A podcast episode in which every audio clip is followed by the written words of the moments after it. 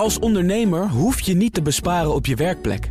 Want IKEA voor Business Netwerk biedt korting op verschillende IKEA-producten. Word gratis lid en laat je werkplek voor je werken.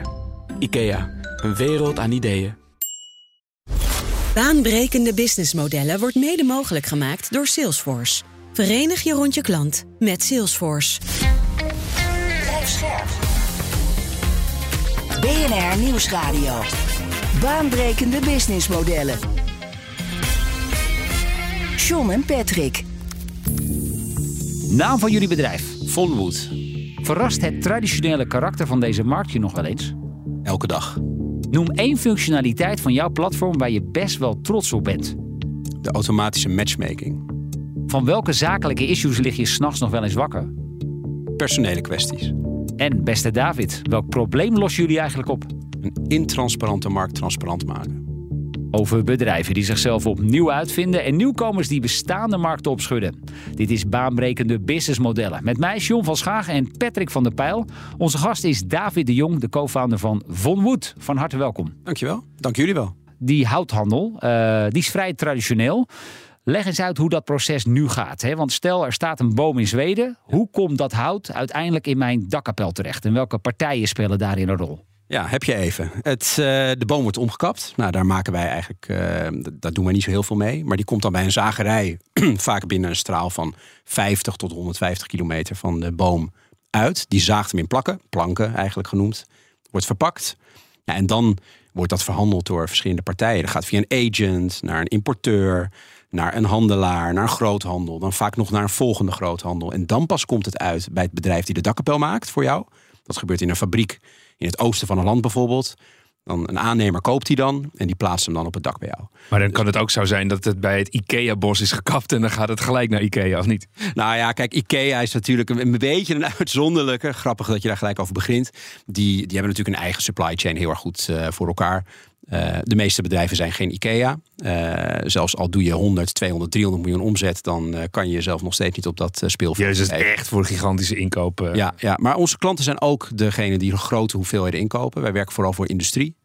En die, ja, die kopen dus volle vrachtwagens hout in via ons platform. Dus telde ik nu vanaf de kap van de boom ja. tot en met het hout dat wordt verwerkt in mijn dakkapel tussen de vier en de vijf schakels? Ja, dat, dat, dat Wel... kan tot zes ongeveer gaan. Ja, zeker. ja. Het is een hele internationale handel. Hè. Ja. Mijn, mijn vader en broer zijn allebei timmerman, dus ik weet er iets van. Uh, vurenhout haal je uit Zweden, eiken komt uit Frankrijk.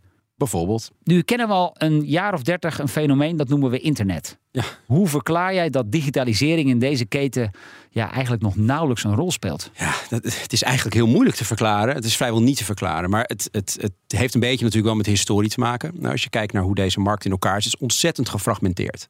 Je hebt te maken met tienduizenden zagerijen die allemaal ver weg zitten vanaf de koper, hè, vanuit ons dus bijvoorbeeld, of iemand in Frankrijk of Engeland. Um, door die fragmentatie is het eigenlijk altijd moeilijk geweest om direct contact te vinden daarmee. Nou, dat is opgepakt door elke keer een schakeltje ertussen te pakken die steeds meer demand, dus vraag, samenvoegt of meer supply, aanbod samenvoegt. En dat is eigenlijk altijd zo gebleven. En omdat de koper vrijwel geen mogelijkheid had om door die, die stappen heen te breken, dus upstream heet dat dan zo mooi. Um, maar wat houdt zo'n koper dan tegen om rechtstreeks een houtzagerij in ja, ja. Uh, Zweden te bellen? Nou, eigenlijk niks, want je kan gewoon op Google zou je een zagerij kunnen vinden. Alleen de zagerij in Zweden wil dat waarschijnlijk ook weer niet. Of die wil dat want? zeker niet. Die wil niet duizenden klanten hebben die allemaal één vrachtje hier, een vrachtje daar, ja, is allemaal gedoe. Uh, financiering uh, is een gedoe. Hè. Hoe, hoe, handel je de betaling af? Iemand wil gespreid betalen. Kwaliteitszaken, uh, communicatie over. Zitten ze niet op te wachten? Nee, het is hetzelfde als je bij een boerenbedrijf kijkt en iedereen gaat zijn aardappelen bij de boer halen. Um, dat wordt, wordt heel ingewikkeld. Ja, ja. tegelijkertijd, Patrick, ja, je zou denken dat alle markten zo ongeveer wel gedigitaliseerd zijn. Ja. Maar dat blijkt dus niet het geval. Nee, nee um, en ik denk met name bij de fysieke producten en met name in de meer de agricultuur is dat moeilijk. Je hebt bijvoorbeeld ook een concept dat heet agri-ledger. Die proberen ook dat probleem op te lossen. Dus eigenlijk vanaf het begin in de hele waardeketen dat helemaal transparant te maken. Maar daar zitten natuurlijk de partijen niet op te wachten. Want daar had je natuurlijk wel je handel, daar kon je het geld verdienen. En als je dat, David komt langs, die gaat het uh, transparant maken. Ja, daar is dus niet iedereen even blij mee. Ja. Als je het vooral hebt, hè, wat voor ons natuurlijk heel mooi werkt. Wij hebben een hele versnipperde vraag en versnipperd aanbod. En dat is eigenlijk heel moeilijk op te lossen zonder dat volledig te digitaliseren. En dat, dat lukte gewoon nog niet. En vooral is het natuurlijk een hele ja, traditionele markt. Ja, je hebt er meerdere woorden voor die je er denk ik voor kan gebruiken. Maar vooral traditioneel de bouw. Uh, en je hebt een aantal verticals die nu aan het digitaliseren zijn. Kijk, wij zijn er één van in het hout. Nou, je hebt ook staal, beton. Je hebt andere verticals, zelfs grind, waar dat in gebeurt. Even inzoomend op jullie oplossing. Uh, Mink Hermans is jouw uh, co-founder. Jullie bedachten een marktplaats die feitelijk vraag en aanbod uh, met elkaar koppelt. Zonder tussenkomst dus van die machtige handelaren. Kun jij in de kern uitleggen hoe het platform werkt? Ja, absoluut. Een koper die, die heeft een vrachtwagen hout nodig of meerdere wagens. Die, die gaat bij onze platform in, die krijgt een login. En die zoekt uit een catalogus van producten de producten die hij of zij nodig heeft. Daar vult hij eigenlijk zijn vrachtje mee. Uh, drukt op een knop. En op dat moment wordt deze aanvraag het platform ingeplaatst in de marktplaats. Wij doen, wat ik net zeg, die matchmaking aan de achterkant. Dat betekent dat partijen die dat zouden kunnen leveren, een uh, notificatie krijgen, een mailtje, een WhatsApp, uh, hoe ze dat ook willen. Van hey, er, staat een nieuwe, er staat een nieuwe aanvraag in het platform voor je klaar. Nou, op dat moment kan de zagerij, uh, de aanbieder dus bieden. Die, die zegt ik wil dit voor 50.000 euro doen. Een ander zegt het voor 48.000 of wat dan ook. De koper ziet dat allemaal binnenkomen. Die bepaalt wie de uiteindelijk winnaar is. En dan wordt de deal via ons platform gesloten. En wij regelen dan eigenlijk de, alles. Dus de financiële afhandeling, dat kan dus ook financiering zijn. Uh, logistiek, uh, indien noodzakelijk. De kwaliteitskeuring.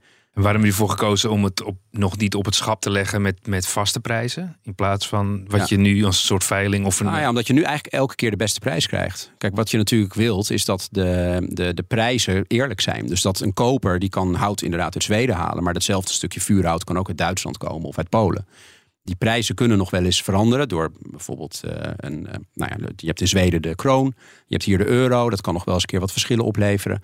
Maar ook de aanvoer van rondhout, hè, dat zijn de bomen in Zweden die zijn misschien is gestokt omdat het zo nat was, konden ze de bossen niet in en daardoor is het hout in Duitsland wat goedkoper. Dat levert continu veranderingen op in de markt. En vinden die houtzagerijen dat niet rete spannend? Ze vinden het ontzettend spannend. Maar ze vinden het ook heel erg leuk.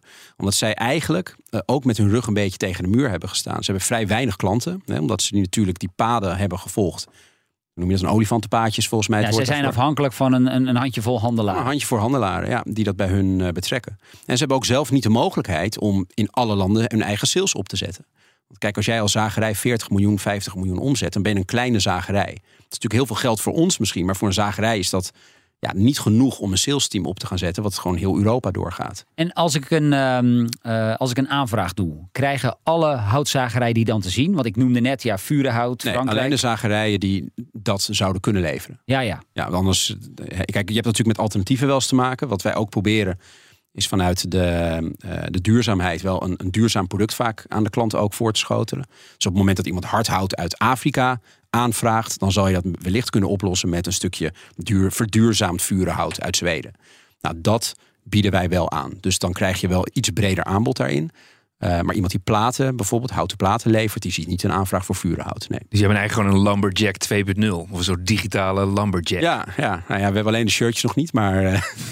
ja. En um, hoeveel transacties gaan er dan nu door je platform op dagelijkse basis? Tientallen. Ja, ja we krijgen tientallen aanvragen per dag. Ja. En die worden dan door, door de zagerij, uh, of het, groot, het grootste gedeelte daarvan wordt ook ingevuld. En aan het begin, maar dan gaan we zo iets verder op. Wat was je verwachting? Kon je zien wat de total addressable market is en hoeveel procent je daarvan zou willen inpakken? Als, ja. als, um... Nou ja, kijk, we willen natuurlijk allemaal de grootste worden. En dat is natuurlijk de ambitie is ook om dat in deze markt, in dit onderdeel, dus de digitale transacties wel te worden. wij richten ons heel erg op het, het betere kwaliteit hout. Dus je hebt verschillende typen hout. Je kan een hout gebruiken om een pallet mee te maken. Ja. Of een huis, een huis mee te bouwen. Nou, dat type hout, het tweede, dat is waar wij ons op richten. Die markt is, uh, is in Europa alleen al 60 miljard. Dus dat is een hele grote markt. En dan want wat ook... betekent dat dan voor jouw gemiddelde orderwaarde? Ja. Uh, want je doet enkele tientallen per dag. Nou, je zou kunnen denken, dat is niet zoveel. Maar ja, als elke order uh, ja, 50.000 euro is. Dan... Nou, dat zijn, het zijn wel vijf cijfers voor een order, ja. Ja, ja. Dus dat, dat, dat uh, soort bedragen zijn ja. normaal in jullie branche. Ja, dat zijn normale bedragen. Ja. En waar zie ik dan visueel die vrachtwagens rijden? Waar komt het meeste van? Ja, ja dat, dat, dat zijn de trade lines eigenlijk, hè, waar wij ons op richten. Wij, wij zijn natuurlijk aan het op, ja, corridors, of uh, noem er een mooi woord voor, van bepaalde regio's naar de klant toe. Uh, dus vooral Zweden, Duitsland, Frankrijk, Polen. Dat zijn de, de grote uh, supply-markten op ons platform. Op dit en heb jij dan nog last gehad van uh, Oekraïne, Rusland? Ja, last. We, starten eigenlijk vorig jaar maart. En dat was eigenlijk het moment ook dat de oorlog in, uh, in Oekraïne natuurlijk begon. Dus de, de, de markt droogde heel erg op in supply. Omdat er ontzettend uh, uh, veel aanbod eigenlijk kwam vanuit Rusland, Wit-Rusland en Oekraïne. Nou, die, die opdroging zorgde ervoor dat alle kopers maar om zich heen gingen kijken. Als kippen zonder kop van waar waar kan ik uh, nu opeens hout of platen vandaan gaan halen? Dus dat, dat, we kwamen binnen in een markt waar het super hectisch was. Ja, want de prijs van hout ging het afgelopen jaar ook echt door het dak, hè? Ja, nou dat is eigenlijk vanaf corona al door het dak gegaan. Okay. Dat is nu wel gestabiliseerd. Ik denk dat we de afgelopen half jaar een vrij stabiele prijzen wel zien. Maar stel, ik ben een timmerfabriek in Nederland. Ja. Um, ik kan via de traditionele manier mijn hout inkopen, maar kan er ook voor kiezen dus om dat via Von Wood te doen. Ja. Wat is prijstechnisch het meest interessant? Via ons. Je krijgt, ja. nou, via ons om meerdere redenen. Waar, waar, hebben we dan over? Nou, de, tot, tot zo'n 10% uh, zal je standaard wel van een uh, order afkrijgen via ons platform. Je, je, je schakelt natuurlijk een aantal tussenpartijen vaak uit. Nou, daarbovenop leveren wij ook wat meer geïntegreerde oplossingen, als bijvoorbeeld een fin financiering. Dat is ook heel interessant. Hè? Dat wij bijvoorbeeld gespreid betaling aanbieden tegen een hele lage kosten. En daardoor kunnen ze het werkkapitaal wat sparen. En het is niet zo in deze branche dat een timmerfabriek gewend is om bij een bepaalde houtzagerij zijn hout in te kopen. Omdat dat goed voelt, omdat hij daar al 30 jaar zaken mee nou ja, ze kopen het in bij een groothandel. Ja, ja. En dus zij hebben helemaal geen contact met die houtzagerijen. Nee, over hout, nee. Ze weten wel van elkaar wat dan de echte beste zagerijen zijn. Hè, dat, dat weten ze van uh, een beetje uit de historie. Uh, is vaak ook op anekdotes wel gebaseerd. Met platen zijn merken wel wat belangrijker. Hè, dus je hebt een aantal leveranciers van platen, OSB, Underlayment, die, uh, die, die wat beter of als kwalitatief beter bekend staan als anderen. dus daar krijg je nog wel eens de vraag: ik wil ex, extreem specifiek dit stukje hout hebben of dit stukje plaat. Maar normaliter, kijk, hout is heel gestandardiseerd. Je koopt een C24 latje in 38 140 en 5 meter zoveel. En dan is dat wel bekend wat het moet zijn. En als je kijkt naar die keten, hè, dan zat misschien de toegevoegde waarde van een groothandel in het feit dat het snel beschikbaar ja, is. Voorraad klopt. Um, is dat dan, kan je dat overbruggen? Ja, dat, kijk, onze klanten, dus nogmaals vaak de industrie, die hebben niet morgen een vrachtwagen hout nodig. Dus ze worden niet wakker en ze kijken opeens in het schap en ze zeggen van, oh, ik ben leeg. Dus dat, dat wordt gewoon gepland. Die weten van, we hebben de aankomende acht maanden zoveel productie uh, in een bepaald segment van uh, wat ze nodig hebben. Dus dan kunnen ze dat ook gewoon gepland inkopen. Daar grijp je wel eens mis. Ook dan. Maar dan is het vaak een pak. Dus één eh, pallet met hout bijvoorbeeld. Nou ja, dat hou je dan bij een groothandel. Dus die, de snelheid van de groothandel is natuurlijk het voordeel, want ze hebben gewoon voorraad. BNR Nieuwsradio. Baanbrekende businessmodellen. Met deze keer het verhaal over Von Wood. Zometeen meer, maar nu eerst weer een ander businessmodel in de spotlights. En dat doen we deze keer met Nikki Seelen van Business Models Inc. En zij wil het hebben over... Wegwerpplastic of single-use plastic. We moeten namelijk sinds 1 juli als consumenten allemaal betalen als we eten afhalen voor onze koffiebekers en de vriendenbakjes. En daarom ging ze op zoek naar duurzame alternatieven. En het mooie is, die zijn er al, volop zelfs. Maar tussen alle aanbieders vond ik toch nog een partij die het echt anders probeert op te lossen. En dat is het Amerikaans-Duitse bedrijf Geastar. Zij zijn opgericht in 2020 en zij maken single-use producten van aarde en klei. Nou, het bedrijf is momenteel nog bezig om die code te kraken, want het produceert alleen nog maar op aanvraag en op relatief kleine schaal. En wat ze eigenlijk bieden is dus de ervaring van porselein. Dus de producten zijn geoneutraal, dus ze worden gemaakt van aarde en keren dus ook terug naar de aarde. En dat is eigenlijk geïnspireerd op een gebruik uit... Uh, uh, uit India, waar straatverkopers hun uh, chai thee serveren in dus uh, handgemaakte terracotta kopjes. En daarmee blazen ze een oude technologie in feite dus weer nieuw leven in. De zogenaamde kulhars, die worden eigenlijk al 5000 jaar gebruikt in India. Dus dat is echt een super oude techniek die zij door middel van moderne technologie nu, uh, nu in de westerse wereld uh, inzetten. Om dus eigenlijk echt prachtig ontworpen koffiekopjes en schaaltjes. En je hoorde het net al, er zijn meer partijen die een alternatief willen bieden voor single-use plastic. En dan is natuurlijk de vraag, tegen welke uitdagingen lopen zij nu eigenlijk aan? Dus bij Geastar kun je zien dat schaalbaarheid uh, straks echt een uitdaging gaat worden. Dus ik ben heel benieuwd hoe ze dat willen oplossen met microfabrieken. Als je kijkt naar uh, bioplastic of composteerbare plastics, daar is eigenlijk het product niet 100% biologisch afbreekbaar. Dus daar zit nog een uitdaging op het product zelf. En wat je eigenlijk over de hele keten heen ziet bij dit soort partijen, is dat kosten echt een uitdaging is. Want single-use plastics zijn gewoon uh, tot op de cent uh, uitgewerkt. dus je ziet dat hier de kosten wat hoger liggen en consumenten nog niet altijd bereid zijn om daarvoor te betalen.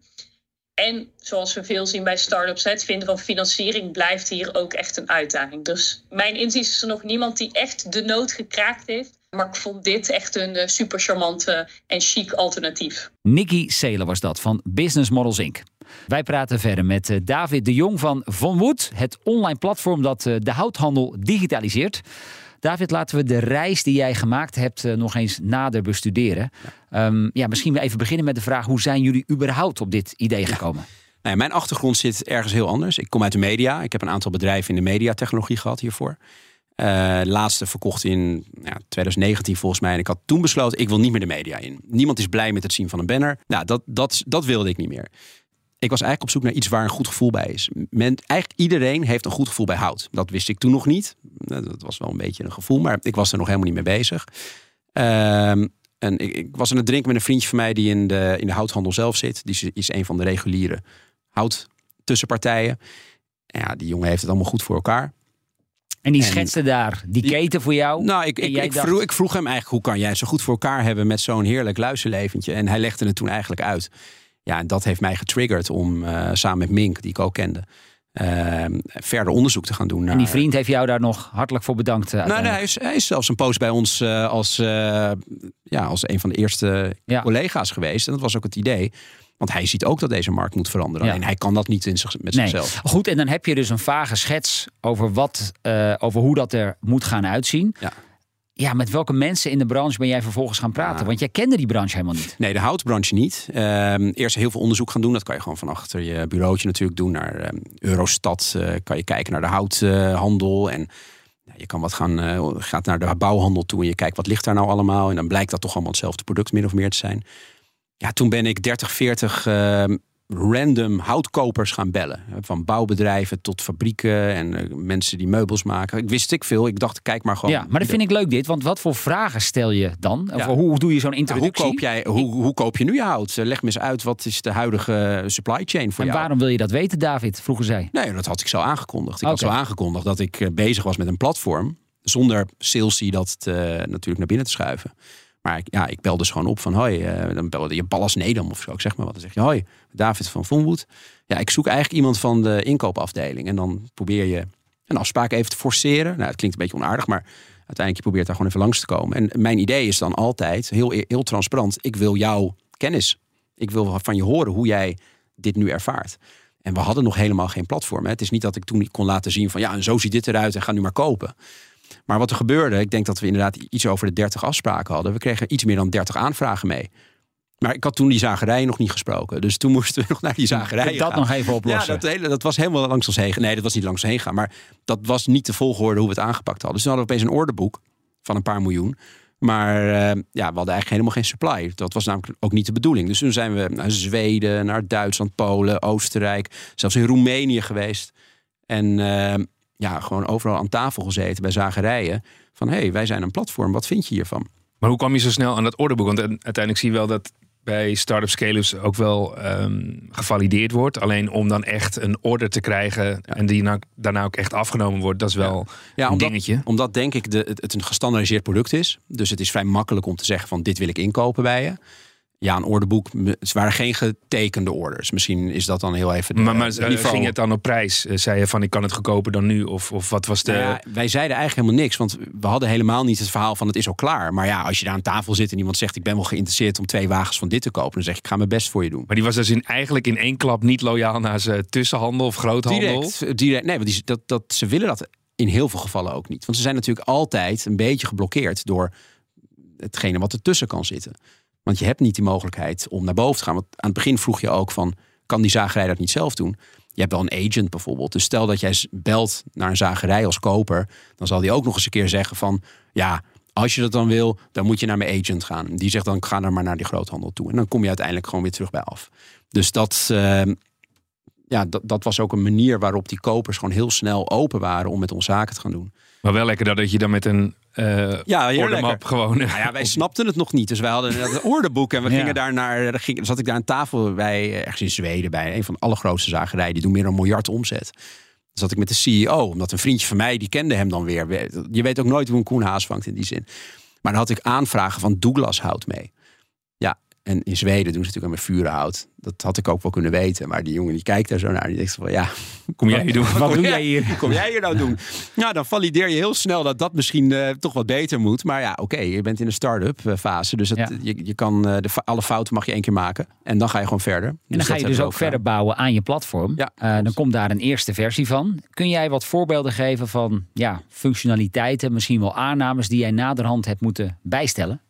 Ja, joh, dat eh, heb je. Nou, dat kan ik weer zeggen, heb je even. Want dat Te zijn veel om op te noemen. Nou ja, ik, ik maak altijd de grap als ik met mensen praat over ons platform. Zeg ik dat de roadmap met functies die we nog moeten toevoegen langer is dan hetgene wat we gedaan hebben. Het is ook altijd zo. Je, neemt, het voegt, je voegt altijd maar toe. Ja, een van mijn aannames was dat mensen toch wel veel sneller alles zelf op een platform zouden doen. Van, joh, we weten hoe Uber werkt, we weten hoe je bij Airbnb een huisje moet boeken. Dan kan je ook wel bij ons een vrachtwagen hout kopen. Nou, of aanbieden als eh, seller. Nou, dat was toch wel wat ingewikkelder. Want? Nou ja, omdat je toch die engagement, hè, dus dat, dat, die, die barrières om mensen binnen te krijgen en ze ook te laten handelen, die moet je gewoon naar beneden helpen. Dus je moet echt naast ze gaan zitten, bij Je wijze moet van... naast ze zitten. Je moet ze echt aan de hand houden aan het begin om, eh, om ze te laten traden. En op een gegeven moment hebben ze door. Dan, dan, hè, dan zien ze van, oh, ik verdien er heel veel geld mee. En oh, ik kan dit gewoon op zaterdagochtend even doen met een kopje koffie erbij. Dus dat, dan werkt dat wel een stuk fijner. Hè? Dan hoeven ze wat minder druk daarin te voelen. Alleen dat, veel van hetgene wat we in de eerste versies van het platform hadden, was van functionaliteit, techniek en search en filters en dat soort dingen. En dat eigenlijk heel simpel houden. Gewoon een groen knopje om te accepteren. Veel beter dan allemaal eh, drop-downs en dingen. Dus daar, daar ben je continu aan het innoveren. Dus we hebben denk ik wel overschat eh, hoe tech-savvy veel van de, van de gebruikers eh, waren. Tegelijkertijd de matchmaking, Ja. die doet het wel heel erg goed. ja, die doen wij aan de achterkant. Maar ook daar geldt natuurlijk, we hebben de match gemaakt. En we zeggen van deze 20 zagerijen zouden kunnen bieden. Maar ja, dan moeten ze het natuurlijk nog wel doen. En dat is, het, dat is wat ik bedoelde met die, eh, die engagement. Ja, maar Ja. dan moeten zij natuurlijk ook, als de wie weer gaat, zeg maar, een eh, aanbieding gaan doen. Ja, eh. ja, want dat krijgen we nu ook regelmatig. Dat, dat we een aantal heel engaged eh, zagerijen hebben. Die gaan binnen een uur geven ze een prijs. En dan komt er eentje achteraan die misschien na twee dagen dat doet. En die vraagt zich af, waarom is de deal al weg? Ja, de deal is weg omdat hij al ingevuld is. Want iemand, de koper heeft het gewoon al geaccepteerd. Nou ja, daar moeten wij dan weer beter in communiceren. Dus dan moeten we een mailtje eruit doen van... hij gaat over een uur sluiten. Als je nog een prijs wil geven, moet je het nu doen. Ja, dat zijn allemaal, dat, dat allemaal leuke ideeën. Maar dat bedoel ik met de roadmap wordt natuurlijk alsmaar langer. Ik heb het idee dat jij ehm, actief bent in een markt met mensen die je nog wel heel erg moet opvoeden. En moet uitleggen Ja. hoe het werkt. Is Ja. dat ook iets waar jullie misschien nog in de dagelijkse operatie tegenaan lopen? Ja, zeker. Nou ja, als je bij onze support kijkt, we hebben dan customer success, zoals dat tegenwoordig heet. Ja, die heeft dat heel erg druk met dezelfde antwoorden vaak geven op vragen die we al heel vaak eerder gezien hebben. Nou ja, dat is een stukje aan onze eigen kant op te Daarmee lossen. heb je dus de juiste product market fit nog niet gevonden. Nee, ik denk dat we daar. Nee, daar zijn we zeker nog, eh, nog wel naar aan het zoeken. Ja. klopt. Maar op het moment dat jij startte, wat heb je toen gedaan? Heb je afgekeken van andere websites en een paar mock-ups gemaakt en je bent naar een bouwpartij en je zegt van nou, ik heb een paar euro. Hoe heb je dat gedaan? Nou, nou, kijk. Je begint gewoon met je eerst met je eigen idee. Dan ga je dat valideren. Hè. Dus we hadden even stap 1 waar die interviews. Stap 2 was gewoon mock- mock-ups tekenen eigenlijk. Ja. En ook een heel klein beetje toch stiekem aan een platformpje gaan pielen. Hè, zelf iets in elkaar laten zetten. We hebben een agency voor ingehuurd. Eh, ik ken ook wat mensen die in de mar- zelf marktplaatsen hebben gehad. Hè, dus niet marktplaatsen die hier bij jullie in het pand zit, maar eh, business to business, zakelijke transacties als het ware. Maar dacht je dan al gelijk van hé, dit gaat een ton, 2, 3, 5 eh, worden? Een ton, sorry, in de. Kosten, Kosten. om het te bouwen? We- Ik, ik ben daar nooit zo heel erg in detail mee bezig met die, eh, die vraag. Want ik weet, het is toch iets wat continu ontwikkeld blijft worden. Het is niet dat er op een gegeven moment een stempel op zit, het is klaar. Kijk, we moeten gewoon een organisatie opbouwen die zowel aan de productkant, dus de, eh, het nadenken over wat moet het zijn, het communiceren met klanten, eh, stabiel moet zijn. En dan hebben we ook een tech kant nodig die het zelf ontwikkelt. Ja, dat blijft groeien. Ik kan niet zeggen van, hey, we hebben nu 1,2 miljoen uitgegeven en we zijn klaar. Ja. Dat werkt eigenlijk bij ons gewoon niet. En is het dan eh, in dit geval eh, het platform jullie IP? Of, of heb je het Volledig, ja. ergens Nee, anders? nee, het is echt van ons. Ja. Ja. Ja. dat, dat, aan het begin hebben we dat uitbesteed, de ontwikkeling aan een agency. Maar dan was het ook ons IP. Nu hebben we alles intern. Dus blijft het onze IP natuurlijk. Key eh, bij het optuigen van een platform is natuurlijk altijd volume. Ja. Heb je, ja, was er een soort minimum waarmee je wilde beginnen? Met name als het gaat om het aantal zagerijen? Of Nou, nee, eigenlijk niet. Kijk, aan het begin, noem het even vanaf na, de zo, na vorige zomer tot eh, eind vorig jaar, was het gewoon: heb je een deal, kom maar langs. En dan was het dat een beetje de, alles is goed. Omdat we moesten leren. Hè? Dus als je nou vier planken nodig had of vijf wagens, het was voor ons allemaal eh, eigenlijk hetzelfde. Nu hebben we echt wel wat stre- strengere regels daarin. Het moet een minimaal een hele wagen zijn. Eh, het moet een, regelmatig terugkomen. Dus één keer een wagen per jaar. Ja, dan dat is wel fijn. Maar liever hebben je het 12 keer per jaar terug of 24 keer. Dus we zijn wel steeds strikter met het type. Ja. En qua aanbod op je platform, eh, hoeveel houtzagerijen hebben zich inmiddels aangemeld en hoeveel waren dat er in het begin? Nou, we hebben een aantal honderd zagerijen die aangemeld zijn op het platform. Eh, alleen sommige staan nog in de wachtkamer. Want wat wij eigenlijk willen voorkomen is dat je heel veel zagerijen hebt die relatief weinig deals per zagerij invullen. Eh, we willen meer wat druk leggen op een aantal zagerijen, op een kleiner percentage daarvan. eh, zodat je een betere marktwerking gaat Ja. krijgen. Wat geven ze jou mee na bijvoorbeeld zes maanden met het eh, platform aan de slag te zijn geweest? Ja. Snappen ze het inmiddels? Vinden ze het spannend? Ja, nou ja, ze zijn, ze zijn soms bang aan het begin. Ehm, eh, wa- wat je wel eens hoort is van ja, dan ga ik ook wel om mijn huidige supply chains heen. En dat is wel een beetje, een beetje eng. Maar uiteindelijk komen ze allemaal achter dat dat geen invloed heeft. Want ik kan me voorstellen, zo'n handelaar die komt ook bij hen en die zegt: oh, maar dat van Wood, daar moet je helemaal niks mee zaken doen, want dat is helemaal niet goed. Ja, dat zeiden ze aan het begin. Toen we vorig jaar ergens in eh, de eerste beurs in oktober hadden, toen, eh, toen kregen we vaak dat wel terug te horen, maar dat gebeurt niet meer. Nee, we, er is wel bekend dat wij van waarde zijn in de keten. Eh, voor agents in feite ook. We hebben ook een aantal agents op het platform, gek genoeg, die dus via ons platform gewoon de orders zien. En die kunnen dat via ons platform dan gewoon ook gaan invullen. Die dat dan weer namens de houtzagerijen Ja, daarop. kijk, als, ze- nogmaals, bieden. wij, wij oordelen niet over wie er op het platform biedt. Ja, we doen wel een check of je een echt bedrijf bent en niet malafide en dat soort zaken. Maar als jij als agent een hele goede deal voor een klant kan maken en daardoor dat gewoon goed kan opvullen met goede voorwaarden enzovoort, dan zijn wij uiteindelijk daar gewoon blij mee.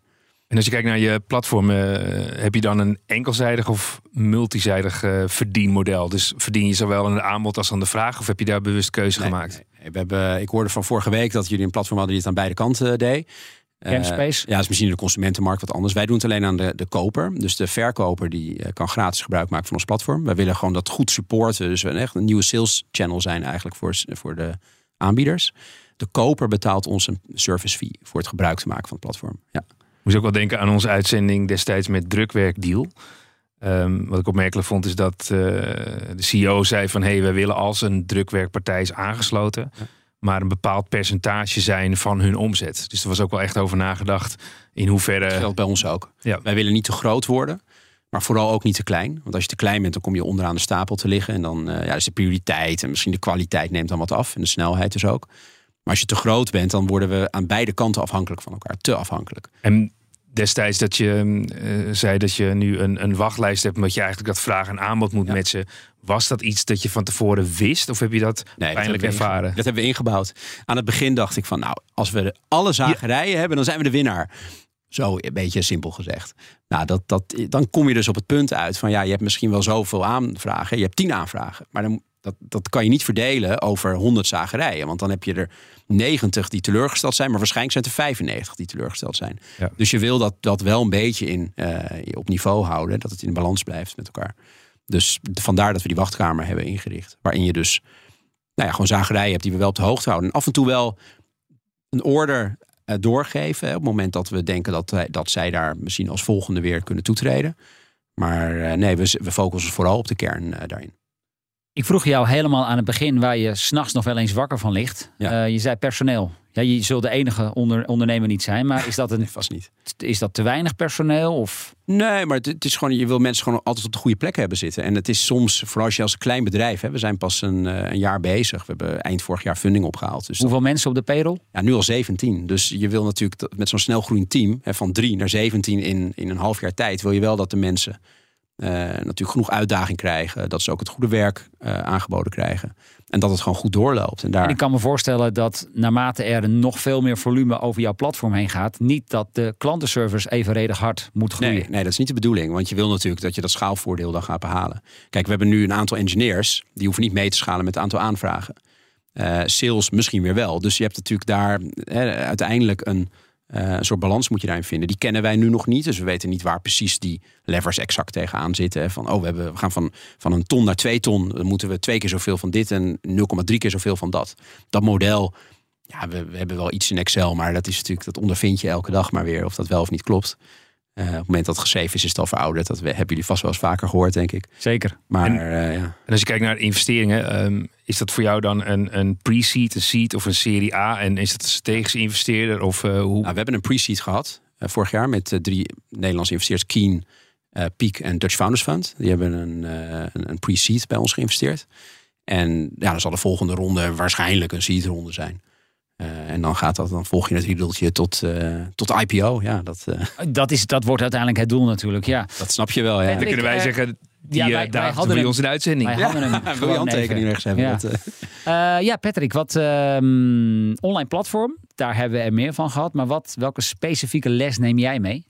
Nou kijk, ik wil het niet bagatelliseren, maar toch als je David zo hoort praten, dan denk je, het is toch niet onmogelijk om een platform te beginnen. Ja. En dan is het toch wonderlijk dat uh, En er grote zijn dus partijen... blijkbaar nog markten waar daar Ja. echt wel behoefte aan is. Ja. Ja.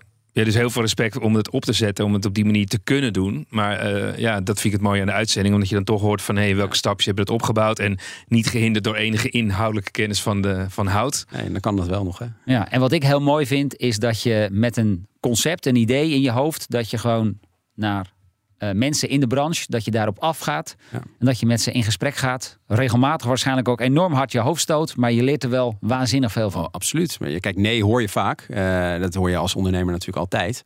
Maar je moet gewoon enthousiast zijn over hetgene wat je doet. En ik ben heel enthousiast over wat ik doe. Nou, en dat... enthousiast, maar je moet ook daadwerkelijk de volgende stap kunnen zetten. Ja, oké, okay, maar dat, kijk, ja. ook daar, ik ben al twintig jaar ondernemer. Dus ik weet ook wel dat je niet ergens aan moet komen met een, een vaag hol verhaal. En dat het dat natuurlijk daarna in het luchtledige blijft hangen. Dus je moet wel de volgende stap al weten voordat je bij iemand langs gaat. David uh, de Jong zeg ik van uh, Vonmoed, dankjewel voor dit gesprek en jouw komst naar de studio. En uh, tegen de luisteraar zeg ik, Patrick en ik zijn er volgende week weer. Nou, wil je voor die tijd al meer luisteren? Check dan zeker ook onze andere afleveringen die je vindt op vrijwel alle bekende podcastkanalen. Tot volgende week. Baanbrekende businessmodellen wordt mede mogelijk gemaakt door Salesforce. Verenig je rond je klant met Salesforce. Het inrichten van je eigen zaak is best wel wat werk. Daarom biedt IKEA voor Business Netwerk 50% korting op interieuradvies. Word gratis lid en laat je werkplek voor je werken. IKEA, een wereld aan ideeën.